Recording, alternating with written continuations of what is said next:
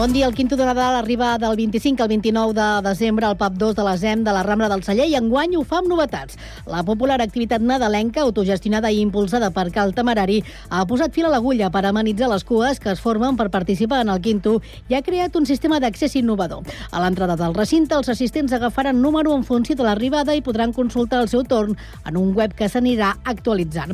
D'aquesta manera, no caldrà que els santcubatencs facin cua a les portes del pavelló i es podran anar a gaudir d'altres activitats mentre arriba arriba el seu torn. Per aquells que vulguin esperar a l'exterior del recinte, els organitzadors de la proposta habilitaran una barra amb menjar i beguda amb música en directe.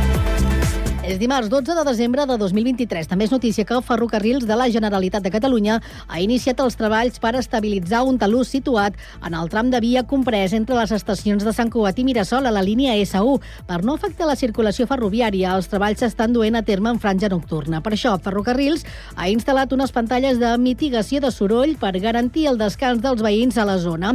Aquestes obres s'emmarquen dins del procés de manteniment, reforç i renovació de les instal·lacions i infraestructures amb l'objectiu d'assegurar la seva robustesa i la fiabilitat i puntualitat en el servei.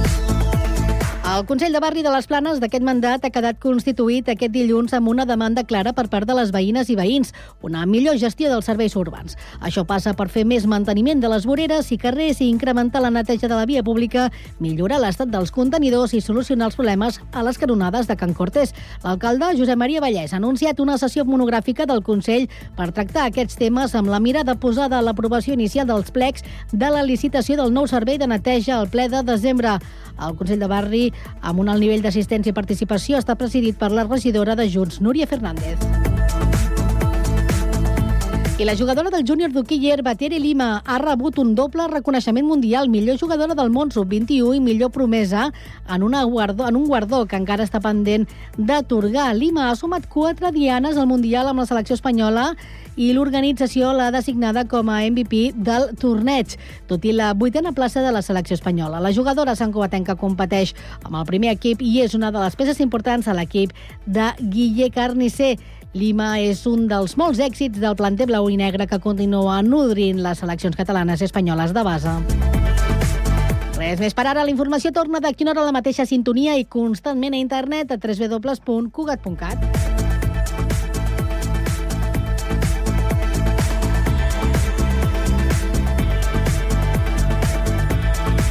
Cugat Mèdia, la informació de referència a Sant Cugat.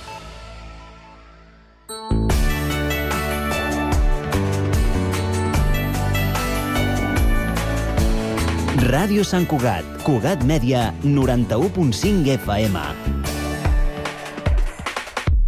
Hora Sant Cugat és un contenidor radiofònic de continguts santcugatencs. Hora Sant Cugat és un contenidor radiofònic de continguts santcugatencs. Continguts en xarxa.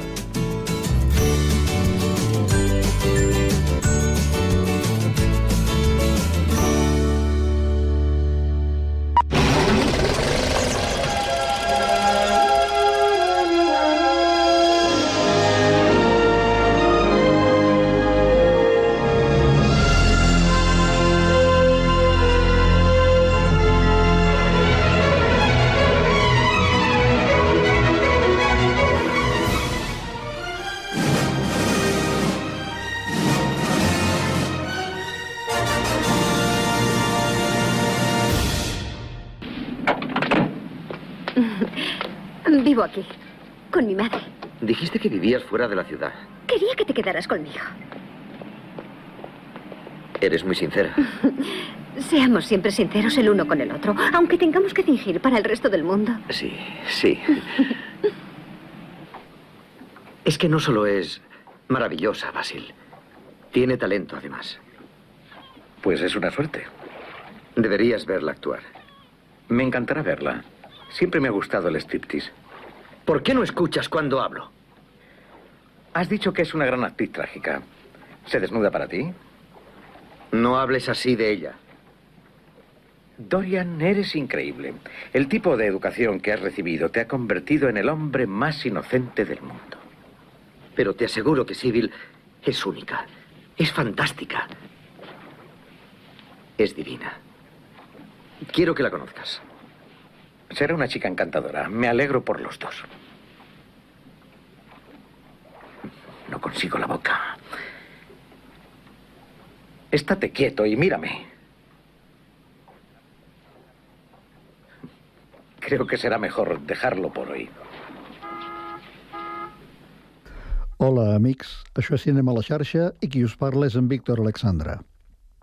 Aquest diàleg que hem escoltat pertany a la pel·lícula El retrat de Dorian Gray, que va protagonitzar Helmut Berger l'any 1970.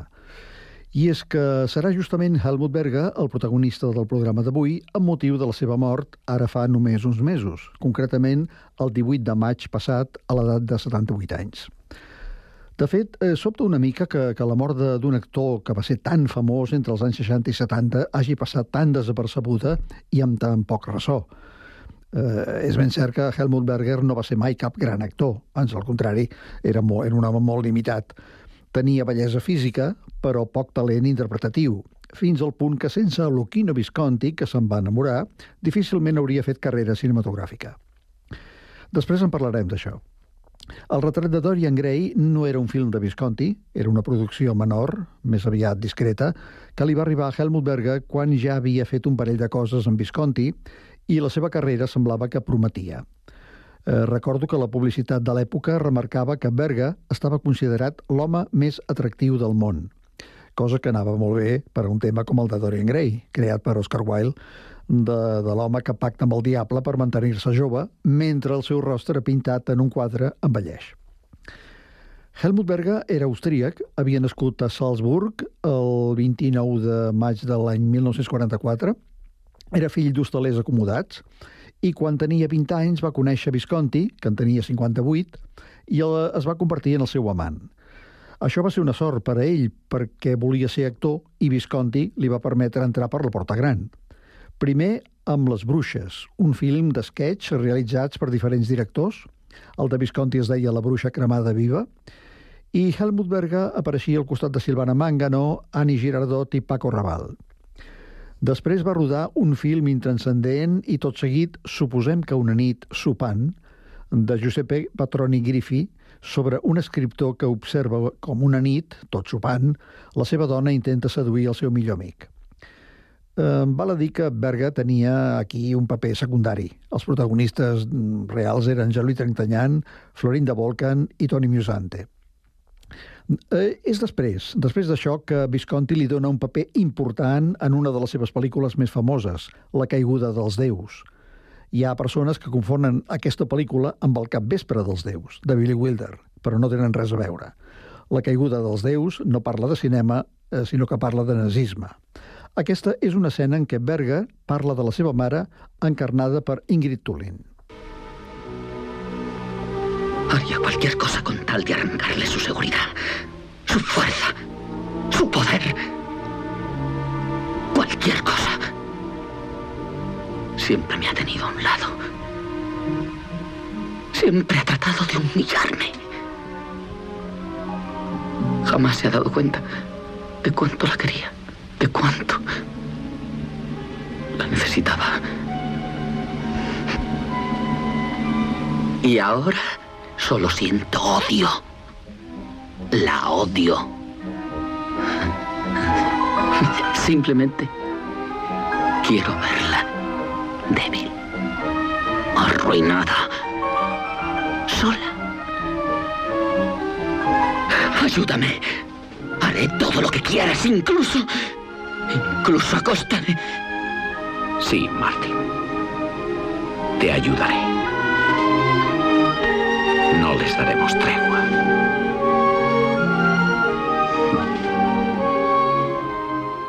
Helmut Berger en una escena de la caiguda dels déus de Luchino Visconti, una pel·lícula del 1969 per la qual Visconti va estar nominat a l'Oscar al millor guió original. Eh, en el terreny personal, Helmut Berger va dir sempre que era bisexual i tant ell com Miguel Bosé han explicat que van tenir una relació sentimental. Però va ser a Itàlia, a Perusa concretament, on Visconti i Berga van coincidir. La trobada, que va ser casual, va coincidir amb l'etapa en què Visconti estava molt dolgut perquè Alain Delon l'havia deixat. I Visconti, en veure Berga per primer cop, va quedar-ne captivat. Tant que li va proposar de fer una pel·lícula amb ell. En aquella època Visconti tenia el projecte de portar a la pantalla la novel·la Les tribulacions del jove Terles de l'escriptor austríac Robert Musil i li va oferir de ser-ne el protagonista, però Berger no tenia ni idea d'actuar i va dir que no. De fet, Visconti no va rodar mai aquesta pel·lícula, El jove Terles, i eh, qui ho va fer va ser el director alemany Volker Slendorf. Però Visconti mm, estava tan encaterinat de, de Helmut Berger que no es va rendir i li va escriure una carta dient-li que li oferia una cosa que no podia oferir-li ningú en aquest món, que era un futur. Aleshores, Berger va cedir i va ser parella eh, fins que Visconti van ser parella tots dos, fins que Visconti va morir 12 anys després. Més endavant, eh, Berga es va casar amb una actriu italiana de segona fila, Francesca Guidatto, que només va rodar dues pel·lícules i totes dues de Piticuixa. Escoltem ara una escena d'una altra pel·lícula que Helmut Berga va fer amb Visconti. Aquí va actuar al costat de Burt Lancaster i Silvana Mangano. Confidències. La primera vez que entré en una casa de aquellas. Maravillosa, es cierto. Y me metí en la cama del ama de la casa. Que no era tan guapa como tú, pero que a mí me parecía estupenda. Tenía un nudo en la garganta y las lágrimas en los ojos. Era cuanto yo quería. E hice lo imposible para quedarme. Mis métodos, de los cuales te avergüenzas tanto, los aprendí allí. Son los mismos que se emplean en tu mundo. Solo los nombres son diferentes porque las apuestas son más altas. Son nombres altisonantes que tú pronuncias con gran respeto. En vez de vomitarlos. Tú crees que andas entre caballeros. Ignoras que muy a menudo son criminales. Eres un pobre diablo. El día que la señora Brumonti vino a verme, a pedirme que le alquilara el piso, yo me negué. Sentía miedo a la proximidad de gente desconocida que podía molestarme. Pero ha sido mucho peor de cuanto podía imaginarme. Si han existido inquilinos inaguantables, me han tocado a mí. Pero después llegué a pensar, como decía Lieta, podía haber sido mi familia. Confidències, una pel·lícula que Visconti va rodar quan ja estava força malalt i en la qual, a més del trio protagonista, Burt Lancaster, Silvana Mangano i Helmut Berger, també hi apareixien fugaçment Clàudia Cardinale i Dominic Sanda. Tot i la malaltia, Confidències no va ser l'última pel·lícula de Visconti. Encara va rodar L'innocent, molt més malalt i des d'una cadira de rodes. Però aquí no hi va haver cap paper per, Hel per, per ell, per Helmut Berger. Berger sempre va dir que mm, ser tan atractiu l'havia perjudicat molt més que no pas beneficiat, perquè tothom se'n volia anar al llit amb ell. Eh, I va entrar en un món d'alcohol i de tota mena de drogues que el van destrossar. Només cal mirar les fotos per veure la transformació que va experimentar el seu físic fins al punt de convertir-se en una persona molt difícil d'identificar com el Helmut Berger que tothom havia conegut. És a dir, que, que el jove i el gran són gairebé persones diferents. Jo personalment el vaig conèixer eh, en els anys 80 durant el rodatge de la pel·lícula Victòria d'Antoni Ribas, l'única pel·lícula en què he intervingut com a, com a actor, i vaig rodar amb ell una escena en una, en una torre de la Bona Nova. Ell era un militar i jo un noucentista i teníem una conversa. I recordo que es lliurava a gresques nocturnes, l'endemà arribava tard al rodatge, no se sabia el paper i tenia una secretària que li anava dient el text mentre actuava. Però tenia 38 anys i físicament encara estava bé. Va ser després que va entrar en una total decadència, eh, no només física, també professional, i suposo que, que les dues coses doncs, van ser indestriables. Fixem-nos que, tot i continuar apareixent en pel·lícules, la majoria van ser molt dolentes i només podem salvar un paper curt a la tercera part del Padrí, de Coppola, i un paper principal a la pel·lícula Liberté del 2019 del català Albert Serra. En fi, com he dit, Helmut Berger era bisexual i va tenir relacions indistintament amb actors i actrius coneguts, com ara Tap Hunter, Rudolf Nureyev, Ursula Andres, Brit Eklund, Florinda Volkan, Natalie Delon, Marisa Mel, eh, Marisa Berenson. També va tenir amb Anita Pallenberg, parella primer de Brian Jones i després de Keith Richards, i també va tenir una, una relació simultània amb Mick Jagger i la seva dona Bianca Jagger al mateix temps. L'any 2019, Berga ja no es trobava gaire bé, mm, patia atacs de pneumònia, i va dir que es retirava del cinema per viure tranquil la resta de la seva vida. I així va ser, fins que el 18 de maig d'aquest 2023 va morir a Salzburg, la ciutat on havia nascut, a l'edat de 78 anys. Li faltaven només 11 dies per fer-ne 79. Nosaltres acomiadarem aquest cinema a la xarxa que ha tingut Pablo Palenzuela a les vies de so i que hem dedicat a Helmut Berger, escoltant el tema musical que Morijar va compondre per al seu personatge a la banda sonora de La caiguda dels déus. Berga interpretava el paper del jove Martin von Essenbeck i aquest és el tema d'en Martin. Continguts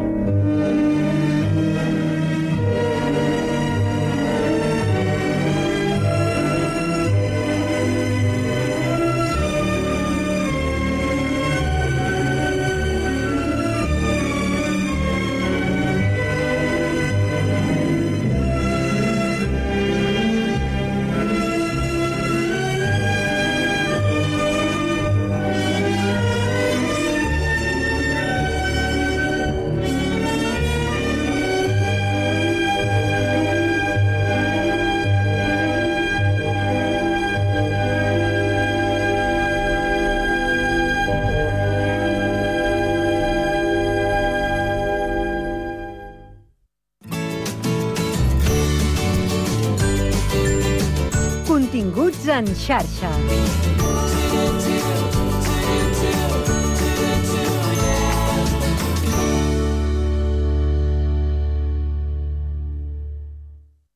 No és el mateix ser els integrants del millor grup de la història que ser el millor grup de la història. Per això, el grup català Occident serem Occident, perquè per continuar assegurant tot, tot, tot i tot, ens havíem d'ajuntar tots, tots i tots. Entra a seremoccident.cat. De carreres, un patinet, un metge de cadells... Una pilota de bàsquet, una videoconsola. Aquestes festes ens demanem moltes coses. Les nenes i els nens de Nepal només se'n demanen una. L'atenció que necessiten. Col·labora amb la Fundació Vicente Ferrer. Truca al 900 111 300 i descobreix l'extraordinari poder de cuidar.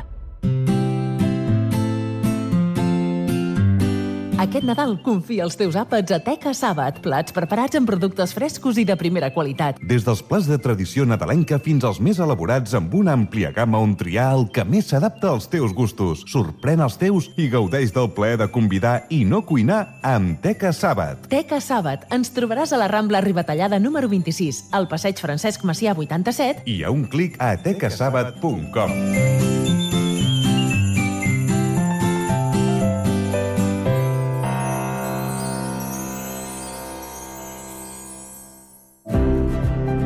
Tots sabem que Sant Cugat és una ciutat molt activa i cada dia es fan moltíssimes activitats. No et perdis les que t'interessen.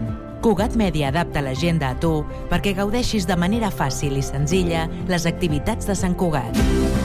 Els filtres de cerca de la nova agenda et permeten trobar ràpidament l'activitat que busques per tipus, cultura, música, infantil, esports, per localització, data i preu. Fes la teva cerca des de l'ordinador o al mòbil a www.cugat.cat barra agenda i incorpora directament al teu calendari les activitats que no et vols perdre. L'agenda de Cugat Mèdia és la més completa de Sant Cugat i ara també la més útil.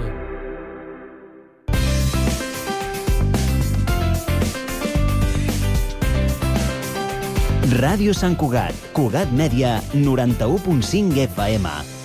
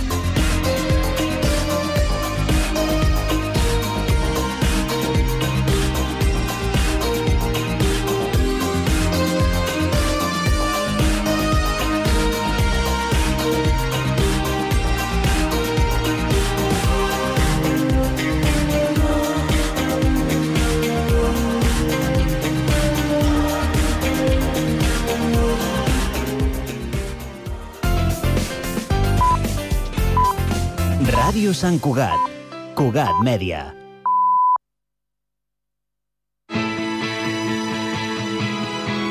Entitats. A Ràdio Sant Cugat.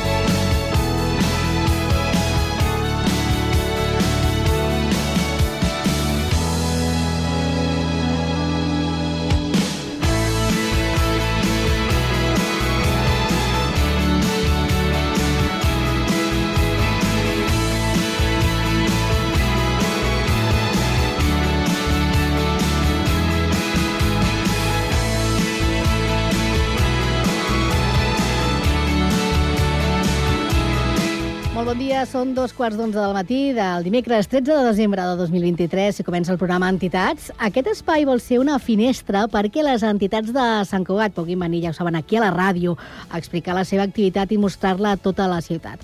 Avui hem convidat els amics de Pedra i Sang, una entitat creada per promoure i difondre actes i iniciatives relacionades amb les arts escèniques i que té com a obra principal també Pedra i Sang, precisament, i que des de l'any 2000 es pot gaudir cada Nadal aquí a Sant Cugat i enguany arriba a la 21a edició a la sala capitular.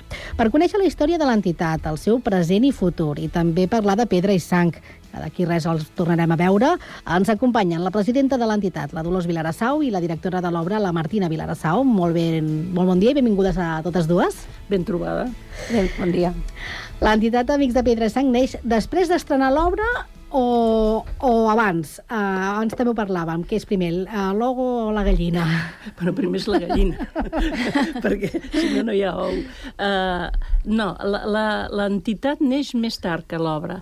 Um, jo, uh, juntament amb el Joan Fabre, ai, perdó, amb el Joan Llamas, amb el, amb el, amb, amb el Joan Berlanga i amb el Carles Casas i jo mateixa formàvem eh, una companyia professional que es deia Tetra Teatre. I aquesta companyia acostumàvem a fer espectacles poètics al, al monestir. I llavors cada any presentàvem un espectacle poètic que ho vam fer sobre Ferreter, sobre Lorca, sobre Verdaguer, sobre Sagarra, sobre dones, molts espectacles poètics multidisciplinaris.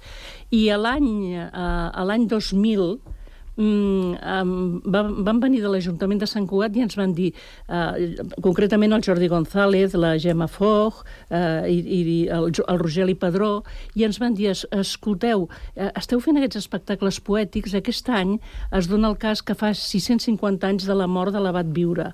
Us atreviríeu a fer un, un espectacle poètic sobre aquest fet? I aleshores, mm, atrevint-se sí, però ens faltava un autor, per exemple, no, no, tenia, no hi havia un text sobre això. Eh, és quan se li va encarregar al Josep Maria Jaumà, després es va convertir en un musical a través de la música del Joan Alavedra, i eh, vam, vam estrenar aquesta obra com un espectacle poètic dels que feia la companyia Tetra Teatre. Eh, va anar molt bé, la, la, la cosa va funcionar molt bé. I el- la- l'any següent, en vista de que havia anat tan bé, ens van dir escolta, a més de fer un espectacle nou, per què no repetiu Pedra i Sang, que, que eh, ve- veu tenir molt èxit, es va quedar molta gent sense veure-ho, i vam repetir Pedra i Sang. El tercer any vam tornar a fer Pedra i Sang i la gent seguia venint i a la gent li agradava molt i la gent d'aquesta manera es va anar fent seu aquest espectacle. La companyia Tetra Teatre ens vam quedar sense els espectacles poètics al claustre perquè ja fa, com molt bé has dit tu, Mar, 21 anys eh, que fem Pedra i Sang a la sala capitular i la ciutat doncs, va guanyar eh, aquest Pedra i Sang. El que passa que de vegades la, la població va per una banda i els polítics van per una altra banda. I va haver-hi un any, que va ser el 2005, que des dels despatxos polítics se'ns va dir eh, bé, és que ara, bueno, això de pedra i sang, vull dir sí, però, però ho farem, ho farem cada, cada dos anys, o sigui, eh, dos, eh, cada, cada dos anys. I llavors, no sé, ens va com una mica semblar que això era una manera de dir, bueno, aquest any no ho fem, l'any que ve ja veurem, no? Aquestes coses que de vegades fan els polítics. Nosaltres, me- mentrestant, havíem com una mica olorat que això podia ser una tradició. I llavors li vam dir, home, la, les coses de despatxos es poden fer cada quatre anys, cada dos anys, però les tradicions es fan cada cada any. O sigui, cada any hi ha, eh, hi ha un Nadal, hi ha el naixement... Que, o sigui, les, les coses, diguéssim, des d'un punt de vista popular es produeixen cada any. I aleshores eh, hi va haver una discussió i la, la, en aquell moment la regidora de Cultura, que no cal el nom, doncs eh, va, va dir que no, que aquell any no es feia pedra i sang. I aleshores aquí eh, es, es va, se'n va armar una de bastant gran, mm, perquè va coincidir amb la festa de tardor i, i bueno, vam dir que aquell any no es feia pedra i sang. Ja la, la cosa ja havia agafat bastanta volada i um, amb una festa de tardor es van recollir, crec, recordar, 1.465 signatures demanant que... demanant que la continuïtat de Pedra i Sang. I a partir d'aquí es, va, es va aconseguir que fer, eh, o sigui que um, es, es va fer un ple a l'Ajuntament i tots els partits polítics, tots els partits polítics, tots, van, van uh, apostar per fer Pedra i Sang cada any. Clar, llavors això ja va néixer amb una consolidació important perquè tots els, els partits polítics s'havien posat d'acord amb això. I, I a partir d'aquí, aquell any, eh, tota, la, tota les, la plataforma que va gestionar el fet de, de la continuïtat de Pedra i Sang es va convertir en l'Associació Amics de Pedra i Sang. O sigui que l'associació en realitat va néixer el 2005 d'aquesta re reivindicació de l'obra. Això va propiciar que s'edités un llibre, després es va fer un conte, eh, es van fer moltes activitats alternatives, o sigui que la, la persona que en aquell moment des del despatx va pensar doncs, que allò ho matava, ens va donar molta volada, en realitat. Una embranzida ben forta, Sí. perquè més amics de Pedra i Sang no només us vau quedar amb fer Pedra i Sang, sinó Sí. aquesta embranzida que necessitàveu per fer moltes més activitats eh, culturals, perquè Mm. uh, no pareu, també a l'estiu teniu les lectures a la fresca. Com neix el fet de crear més iniciatives i, i, i quines uh, us veu dedicar a fer-ne? Mm, Vols, m'ho preguntes a mi, també? Pregunto en general. Que, vols dir alguna cosa de les fes, lectures? Fes, Jo, jo com a, com a Sant Cugatenca i intèrpret he participat a moltes de les lectures a la, a la fresca i penso que és una de les iniciatives de l'Associació Amics de Pedra i Sang també, que aporten moltíssim a la ciutat. Um, uh, bueno, la Dolors potser en pot parlar millor, però, però ha sigut... Um, ha sigut també un privilegi des de les lectures de la fresca poder gaudir d'autors no? que cada any um, han sigut més temàtiques. Per mi he anat descobrint autors del, del, del eh, teatrals que no havia descobert i que ens permeten també arribar a Sagarra, a, hem fet Shakespeare, Sagarres, a Guimaràs, no? Hem fet una mica de, de Molière, tot. Rodoreda... Sí, i una oportunitat molt gran també que les lectures a la fresca um, puguin arribar a tots els santcugatencs, es fagin en, aquest, en les places de la ciutat, no? que això també és un dels seus forts, i estiguin tan cuidades. Perquè qui forma part d'Amics de Pedra i Sang? És a dir, quantes persones tiren endavant tota aquesta entitat Sí. uh, i com, com treballeu durant, com durant l'any? Doncs eh, el fet de constituir-se com a Mm. associació doncs, eh, fa que hi hagi una, una junta Eh, en aquests moments a la Junta hi han set persones i aquestes set, persones són les, que, les que decideixen eh, les activitats durant, durant l'any eh, que, que farà doncs, la societat. El, el tema d'altres coses, eh, com eh, d'altres activitats, va ser perquè bàsicament el, el nucli dur, com si diguéssim, d'aquesta plataforma eren gent, eren actors o gent que estaven relacionats amb el món del teatre, no? Perquè clar, com que veníem de tetrateatre i veníem de, de, de fer representacions de pedra i sang, hi havia un nucli important d'actors. I aleshores, eh, de cop vam pensar, mm, ser, seria maco al- a l'estiu fer unes, unes lectures a la, a la fresca, no? Perquè vam dir al- alguna, alguna, cosa, alguna cosa al carrer. Eh, i, I les lectures a la fresca, a veure, no puc recordar exactament l'any, van ser posteriors, potser, espera't, no puc recordar l'any, però sé que aquest any, el 2024, eh, farà, serà la vintena edició de les lectures Anava la fresca. més de 15, segur. Sí. Eh, O sigui, l'any que ve, eh, el 2024, serà la vintena edició de les lectures a la fresca, que esperem que l'Ajuntament ens ajudi a fer una festassa. Eh, bueno, festassa. Festassa vol dir més feina, eh? De fet, Vull dir- aquest estiu us vau quedar també a, Sí. amb una lectura de menys. Exactament. Uh, aquesta va ser també la teva pena, perquè al principi pensaves que potser es podia recuperar Sí. al setembre la tercera que, que mancava, i no va poder ser així. No sé si uh, s'ha de lluitar molt perquè es faci cultura a Sant Cugat o l'estat cultural és bo. No, l'estat cultural és molt bo. Lluitar per la cultura sempre. Vull dir, la- de- d'entitats, vull dir, eh, és allò, aixeques una pedra i hi ha una entitat a Sant Cugat, i entitats de tot tipus, eh? però moltes. culturals n'hi ha moltíssims de teatre, de música, de, de, de fotografia, de, del que vulguis, de literàries, eh, hi, ha, hi ha moltíssimes entitats i de molt pes. Ara, una altra cosa és el- els polítics, el valor que donen a aquestes entitats i el valor que donen a les coses. Per exemple, nosaltres, eh, com, com a entitat, només ens podem sustentar amb les quotes de socis perquè mm, tant, tant Pedra i Sang com, per exemple, les, les lectures a la fresca, que són els dos grans pilars de l'espectacle, eh, no, no, no, no hi ha guixeta. Sí, a Pedra i Sang hi és, però aquesta, aquesta guixeta eh, va a parar a l'Ajuntament, no va a parar a la socia- a la- a la- A l'entitat. l'entitat en si. Per tant, a part de les, de les ajudes que puguem re rebre municipals, que, que són, que són i, i, i és clar que hi són, però vull dir, nosaltres no tenim un altre mitjà de, de funcionament que la dels propis socis, no?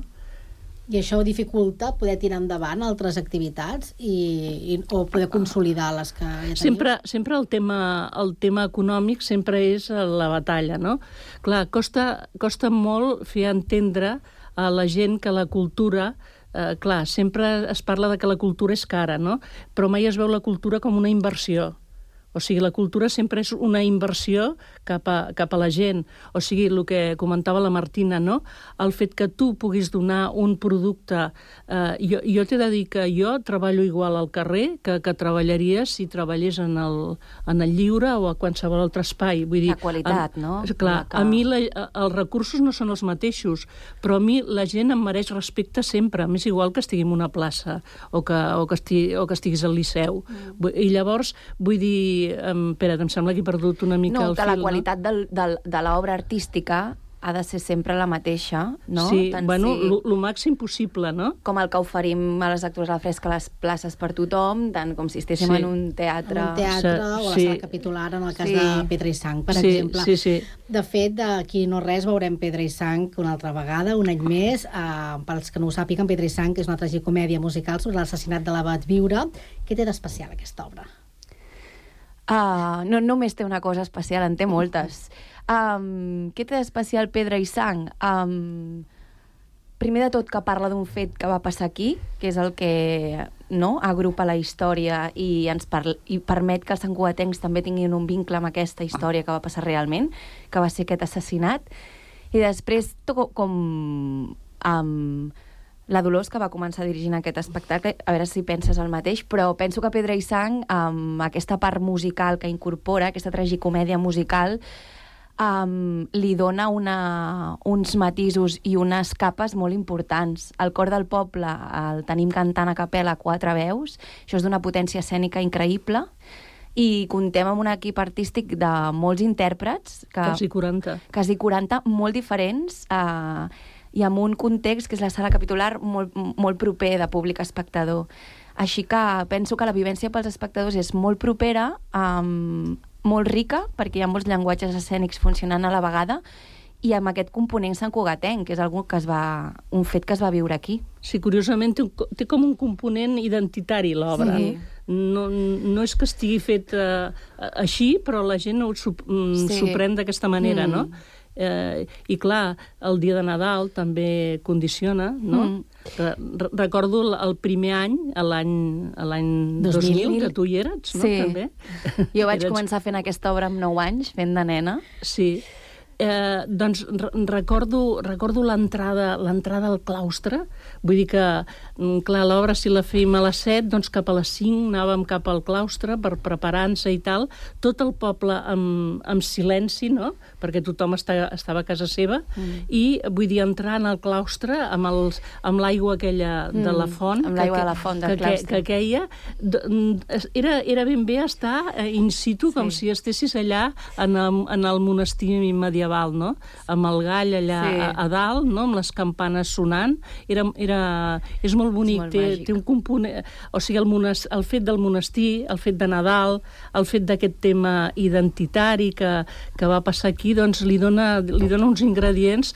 No, i penso que també com, com, a, com a producte escènic també eh, ha funcionat. És és una cosa, no és un infantil, evidentment no és un Mhm. infantil, però és una obra per tots els públics. I, li, i, I penso que és una obra que li agrada a la gent que li agrada el teatre i la gent que no ha anat mai al teatre també li agrada. Sí, connecta. Sí, connecta, connecta el molt amb la públic. gent.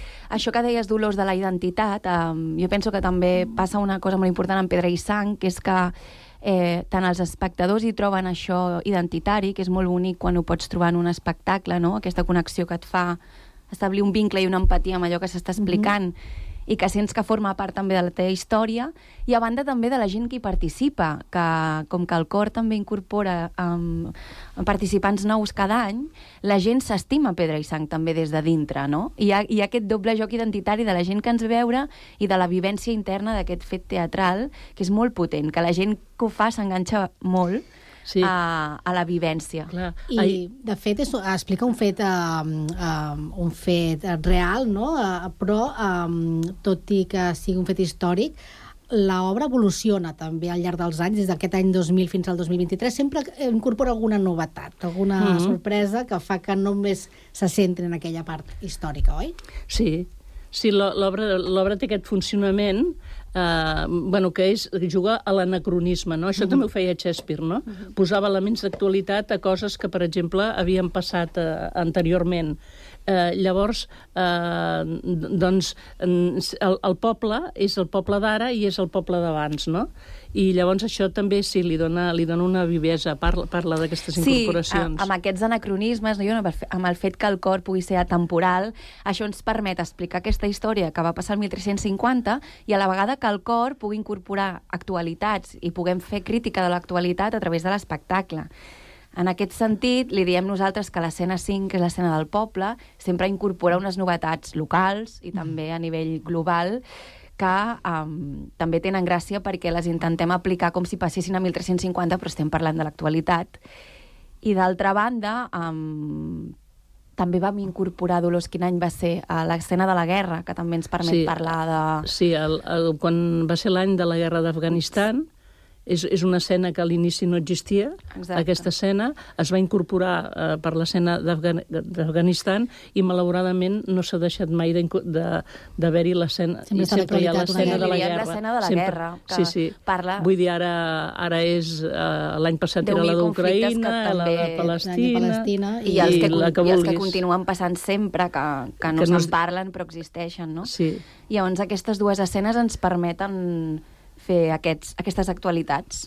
Sí, uh, fet, aquestes que- escenes norm, mm, són bastant consensuades entre la gent, perquè de què, parla, de què parlem, no? Mm. Mm. O sigui, què Mm. diem?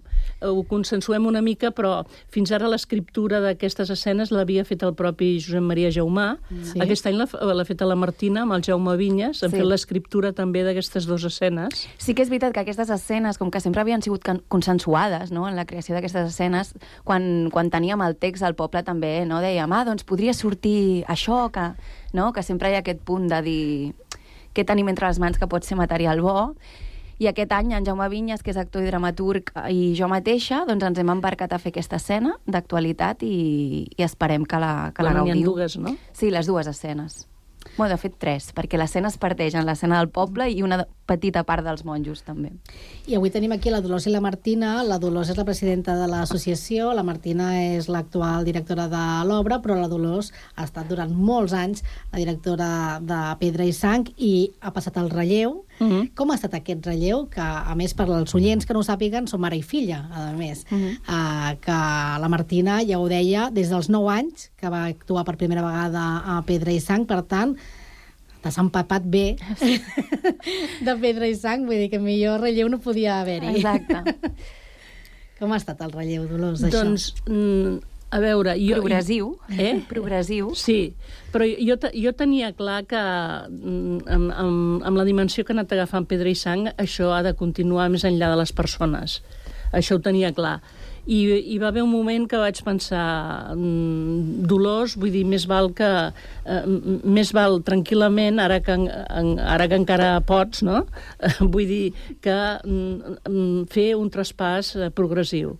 I aleshores mm, jo, jo feia, feia ja uns anys que havia pensat en la Martina, perquè la Martina doncs, eh, ha estudiat a l'Institut del Teatre, vull dir, és una, una persona que té mo, molt coneixement de l'obra, això mateix, perquè l'ha vista, perquè l'ha viscuda, però a més a més també té una visió de direcció, Uh, puc, um, puc dir una cosa sense dir noms. Per Mhm. exemple, ara està fent una, una fic, estàs fent una ficció a, a, a TV3, que no, no, no pot dir nom, i fa la direcció d'actors de, de tota una, una ficció que té 11 capítols, no? Mhm. 11 capítols per TV3, o sigui, que és una persona que té visió de direcció. Uh, I a més a més tenia aquest coneixement de l'obra, aquests estudis, té, té un caràcter també molt interessant per, per, per reunir grups i tot això, i li vaig, li vaig plantejar li vaig plantejar amb ella perquè, clar, tampoc sabia si ella... Eh, això és un compromís, és un compromís amb la ciutat, els Nadals, tot una, tota una sèrie de, de coses, perquè, clar, la gent només veu, ah, bueno, tal, mira, eh, fa això, però això és una feinada i un compromís molt gran. Ella li va fer molta il·lusió, ho va acceptar, i a, a mi això em tranquil·litza una mica amb el sentit que sé que això va més enllà de mi no? i ella doncs, ja veurà doncs, quant temps ho pot fer i a qui ho pot traspassar o com es pot fer, però mm, eh, jo el fet, el fet de que Pedra i Sang pugui continuar més enllà de les persones que ho hem fet, perquè no només jo m'he fet gran, vull dir, també hi ha uns actors principals, vull dir, l'any passat, per exemple, ja vam, ja vam fer la, la, el, el, el cas del Xavier Tor, que també estava, estava malalt, doncs vam, vam, ho vam fer conjuntament, el Ricard Mariner també va agafar un relleu i ara fan mitja, eh, un, una part de funcions al Xavier Tor i una part al Mariner. Per exemple, aquest, aquest, eh, aquest any també ara hem tingut un, un ensurt amb el Pere Codó, que fa el personatge de l'home, també ha tingut un, una cosa de cor i l'hem hagut de substituir una mica a correcuita. Bueno, o sigui que, clar, una obra amb tanta gent eh, i, i, i, i, amb, i amb aquesta dinàmica doncs, necessita constantment doncs, que hi hagi eh, aquest relleu, no? I llavors, bueno, també el fet d'incorporar-te tu, Martina, vull dir, ha fet... mm, Hi ha una cosa molt, molt maca, ella de seguida s'ha buscat un equip Mm. eh, amb la Cristina, no? La, Sí. la, la Cristina Martínez, que és una persona que també és actriu, no només és directora de cor. Que una fa la direcció musical. Sí, és una persona que també dona molta marxa, no, no és allò un cor que, que canta com un cor, sinó que... Des d'un punt de vista escènic... Eh, Doncs, I ella- musical, no? Mm, musical. Molt, sí, i eh, després també hi ha la, la Marta...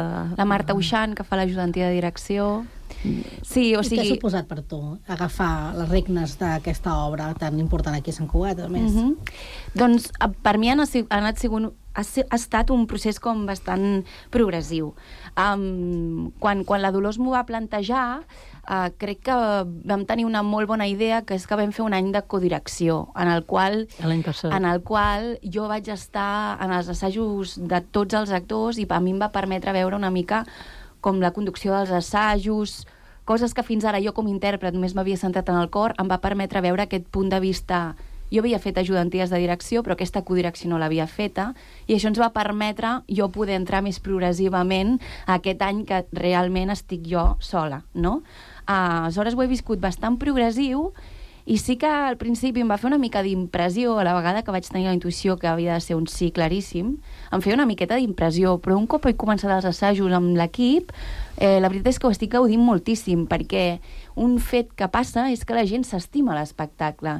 I llavors, um, un cop ja està encaminat, comences a veure que no només tu tires del carro, sinó que tens tot un equip que tira el carro amb tu i que li fa il·lusió i que tira endavant i per tant tinc molt la sensació d'estar treballant en equip i això dona moltíssima força. I a banda, tinc la sensació que, que també és un, esti un, un espectacle estimat per la, estimat per la ciutat i que, i que també s'està esperant amb moltes ganes, no? I això també motiva molt a, a, a que el producte estigui bé, que cuidar-lo, estimar-lo, i en aquest sentit estic gaudint moltíssim. Perquè mm, des de quan us heu de posar a treballar? És a dir, què implica que el dia 25 podeu pujar a l'escenari? Ui, moltes coses. Necessitaria un programa de 24 des, hores. Des de quan? Quantes persones? Um, la maquinària aquesta, quan es posa en marxa? O sigui, um, Pedra i Sang se sustenta molt amb Associació Amics de Pedra i Sang, que és l'entitat que, la, Mhm. que la tira endavant i que hi ha una feinada impressionant. Jo em puc dedicar a la direcció artística perquè també hi ha una gent que treballa més des de la producció. I en aquest sentit és imprescindible per un espectacle que els espectadors que venen a veure només veien, veuen la part artística. Però a darrere de qualsevol producció hi ha una feinada que a vegades no és tan agradable, impressionant. I això ho dic per qualsevol, per qualsevol obra de teatre, però per Pedra i Sang més, perquè som 40 intèrprets. Aleshores, um, el que deia la Dolors, està a les coses que passen, solventar-les, um, temes de producció, temes d'anar veient els assajos, què falta, què no. Jo tinc la sort de gaudir d'un equip que és veritat que he pensat i que m'han dit que sí tots, però confio molt en l'equip artístic que hi ha darrere, que aquest any som moltes dones, eh, mm, jo Bueno, mateixa, sou- sou tot dones. totes, que això està, no, no perquè hagi de ser rellevant, però mira, m'agrada dir-ho, perquè fins ara em, hi ha hagut l'Albert Santiago, la direcció musical, que me l'estimo moltíssim i ha fet un treball increïble, i em fa molta il·lusió també que, que amb el mateix material hi hagi una persona nova que també pugui aportar la seva visió um, com la Cristina i que aquest traspàs s'hagi pogut fer de manera tan tranquil·la també, no? I, doncs, i som jo a la direcció, la Cristina a la direcció musical, um, la Marta Uixant a la joventia de direcció, tenim la Núria Puigdomènech fent ve- vestuari, la Erina regidoria, la Judit Loquetti regidoria, a, a la producció executiva i a la Dolors, la Cristina Campany, i som tot dones. I Dolors, després de tants anys... Uh... Sí, un, no, una cosa Digues. que pre preguntaves quan comença la... Sí. Sí. Uh, sí. De, mm, més o menys al voltant, uh, dies abans de la festa de tardor, diguéssim. Uh, al setembre ens comencem Setembre. a posar les piles i, Sí. i, co i, come i comença, i comença l'engranatge, sobretot amb el cor perquè el cor s'ha de fer un càsting, hi ha d'haver gent d'aquí, gent d'allà. El cor el formen des d'una persona que té 6 anys, una nena que té 6 anys... Bueno, ara en té més. Ah, val, val, sí, perdó. Fins a una persona que en té 70 i pico, eh? I, i han de cantar junts, units, i després s'incorpora tota la part escènica. I per anar acabant, perquè ens queden re, un parell de minuts, et volia preguntar, Dolors, um, on et veus ara també, no?, amb aquest nou paper que, que ja el tenies de presidenta d'Amics de Pedra i Sang, però uh, que ja no estàs dintre al capdavant de la direcció d'aquesta obra, però uh, ets una persona tan activa. Sí, Ah. no, jo, jo em veig en el fons, Martina, vull dir, t'he passat un... no sé si t'he passat un bombó o una bona càrrega. Em veig una mica deslliurada amb alguns aspectes. I mm, sigui, sigui per edat, eh, vull dir, jo jo ja tinc una edat que mm, ja puc dir el que em sembla, perquè, bueno, és allò, per lo que me queda el convento, no? Vull dir, vull dir que ja puc dir el que em sembla i també una mica tinc ganes de fer el que, el que tingui ganes de fer. O sigui, no, no em veig jubilada de res, perquè la veritat jo de, de fer puntes de coixí no en sé, ni de fer labors, no, no Confirmem. crec que... Eh? No, llavors vull dir, jo, jo ara aniré, aniré fent iniciatives doncs, que, que m'interessin i, i, i, eh, i sempre que pugui en el món de, del teatre. Doncs- Si algun dia no puc, la Martina, que és la meva filla, ja em dirà eh, nena, ai, mare, dedica't a, dedica't a una altra Anem a cosa. Una altra cosa. Hem parlat amb la Dolors i la Martina Vilarasau. Moltes gràcies per haver-nos atès i ja ho saben, a partir de la setmana vinent i per Nadal i uns quants dies més, Pedra i Sang, que a la sala capitular, una obra de teatre que no s'han de perdre. Mhm. Moltes gràcies i molt bon dia a les dues. Gràcies, bon dia. Ràdio